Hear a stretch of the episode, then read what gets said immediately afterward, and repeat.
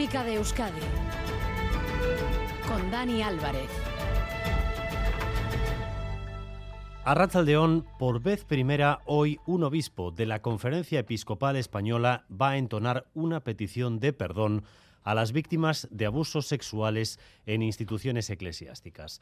Va a ser el obispo de Bilbao, Joseba Segura, en una ceremonia esta misma tarde en la Catedral de Santiago, después de desarrollar una investigación durante meses y recibir y acoger a algunas de las víctimas que sufrieron aquellos abusos sexuales, el obispo Segura va a dar un paso que ninguno otro había dado hasta ahora.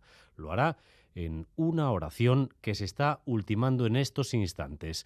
En la Catedral de Santiago se encuentra nuestro compañero Xavier Madariaga. Arrachaldeón, Xavier. Arrachaldeón Vais y todo será una hora antes de la misa de esta tarde. Rezo humilde y sencillo, dicen aquí, abierto sobre todo a las víctimas del clero y todo con el obispo a la cabeza, un paso inédito en las diócesis de nuestro entorno, un paso más entre los que está dando Joseba Segura, para quien dicen el camino no va a ser fácil. Nos lo ha advertido el asesor del Papa que está detrás del cambio de rumbo que Francisco intenta dar en el asunto de los abusos siguen habiendo cardenales, obispos alrededor del mundo que por un lado le dicen sí, claro, Santo Padre, y por otro lado, eh, eh, y después no hacen nada.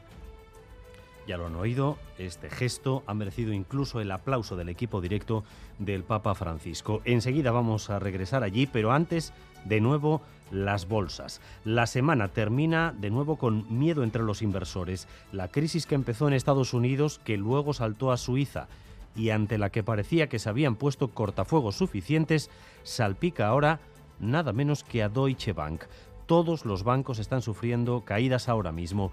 Eh, ¿Qué está pasando, Irache Ruiz? Pues que el gigante alemán se deja a esta hora un 14%, una notable caída que está arrastrando a las bolsas europeas y en particular a las empresas del sector, a los bancos. Los seis que cotizan en el IBEX ocupan las últimas posiciones en el selectivo. El Sabadell cae más de un 7%, BBVA, Santander o CaixaBank en torno a 5 puntos. La bolsa española pierde un 2,5%. Las protestas contra la reforma de las pensiones de Macron han provocado que la visita que tenía prevista a Francia el rey de Inglaterra quede aplazada. La noticia se ha confirmado este mediodía en las horas posteriores a los mayores disturbios ocurridos desde el inicio de las movilizaciones. Óscar Pérez. La petición de aplazamiento ha partido del propio Emmanuel Macron, que tenía especial interés en que Francia se convirtiera en el primer país que visita Carlos III como monarca. Eso ya no será así. El rey inglés viajará la próxima semana a Alemania y la visita prevista antes a Burdeos y París, que incluía una cena en de Estado en Versalles, ha quedado aplazada sin edía. En los incidentes de ayer tarde y esta noche, 457 personas han sido detenidas en toda Francia, un centenar en París. Hay 441 policías heridos y contusionados, 14 de ellos están en el hospital.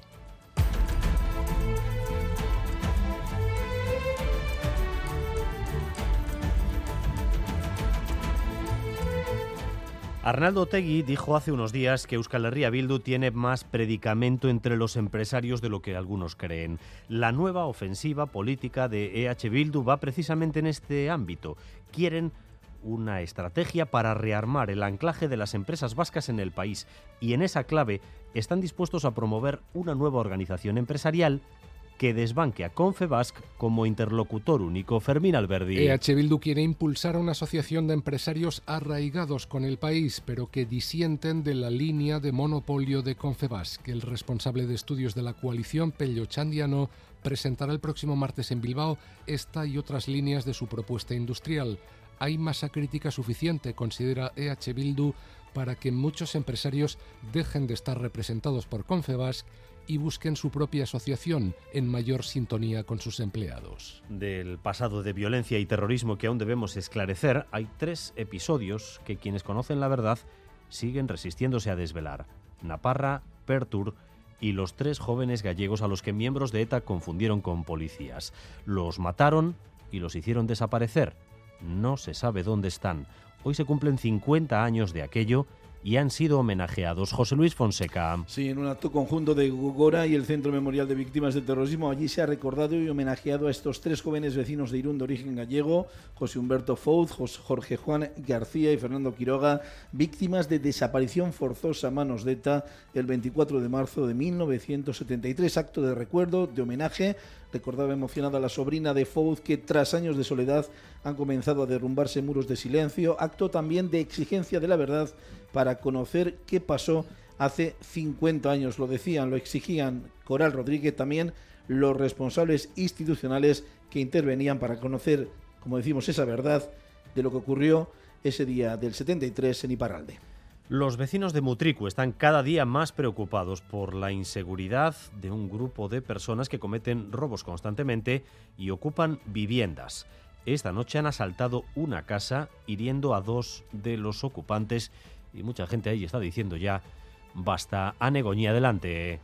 Sí, a Racha León, la preocupación de las últimas semanas se ha tornado en miedo ante la agresión de esta noche. La Archanza investiga esa agresión sufrida por un matrimonio en su casa mientras dormía. Al parecer, el marido se despertó al oír ruidos y fue apuñalado por los presuntos ladrones. La mujer eh, ha sufrido una crisis de ansiedad. Ambos se encuentran ingresados en el hospital de Mendaro. No es la primera vez que entran a robar en una vivienda de Mutricu, también en los comercios, aunque ahora, hasta ahora, sin violencia. Por ejemplo, en la carnicería del Polo nos han contado que han entrado a robar hasta en tres ocasiones. Hiru lapurreta bi urte barruan, hiru lapurreta eukideu. Hirugarrenean e, eurakin izketan inoan, hitz egin nuen eta hortik aurre ez ditorri. Baina, etorriko berriro berriro txandia, badakigu, herritan adakigu zeintzu dian.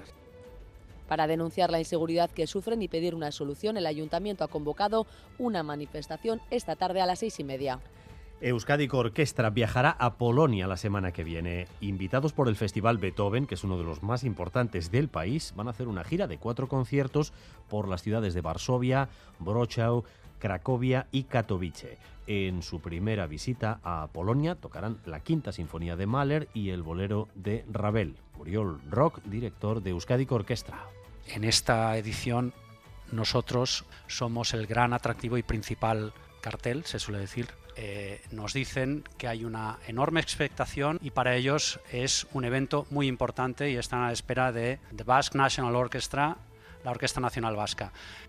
Y vamos también con lo más destacado del deporte, con Álvaro Fernández Cadierno, a León, Álvaro. A León con fútbol y pelota. En fútbol destaca el partido de la Liga Femenina de Fútbol que va a enfrentar en San Mamés a las 8 al Athletic y al Sevilla y en pelota Vamos a vivir dos eliminatorias previas del manomanista. En Villar de Arnedo, en La Rioja, se van a medir Aguirre y Alberdi y en La Reinchar, Elezcano y Pello Echeverría. En lo que queda de viernes, los cielos se van a ir despejando progresivamente. Hemos tenido cielos nubosos, muy nubosos, durante la mañana, con alguna precipitación débil, sobre todo en la zona norte, eh, pero poco a poco el ambiente se irá estabilizando. Las temperaturas han descendido por el viento que sopla del oeste-noroeste y ahora mismo están por debajo de los 15 grados. Hay 13 en Donostia o en Pamplona, 14 grados en Bilbao, 12 en Vitoria-Gasteiz y 12 también en Bayona. Gracias un día más por elegir Radio Euskadi y Radio Vitoria para informarse. Raúl González y Jorge Ibáñez se encargan de la dirección técnica, a Itziber Bilbao de la coordinación. Crónica de Euskadi con Dani Álvarez.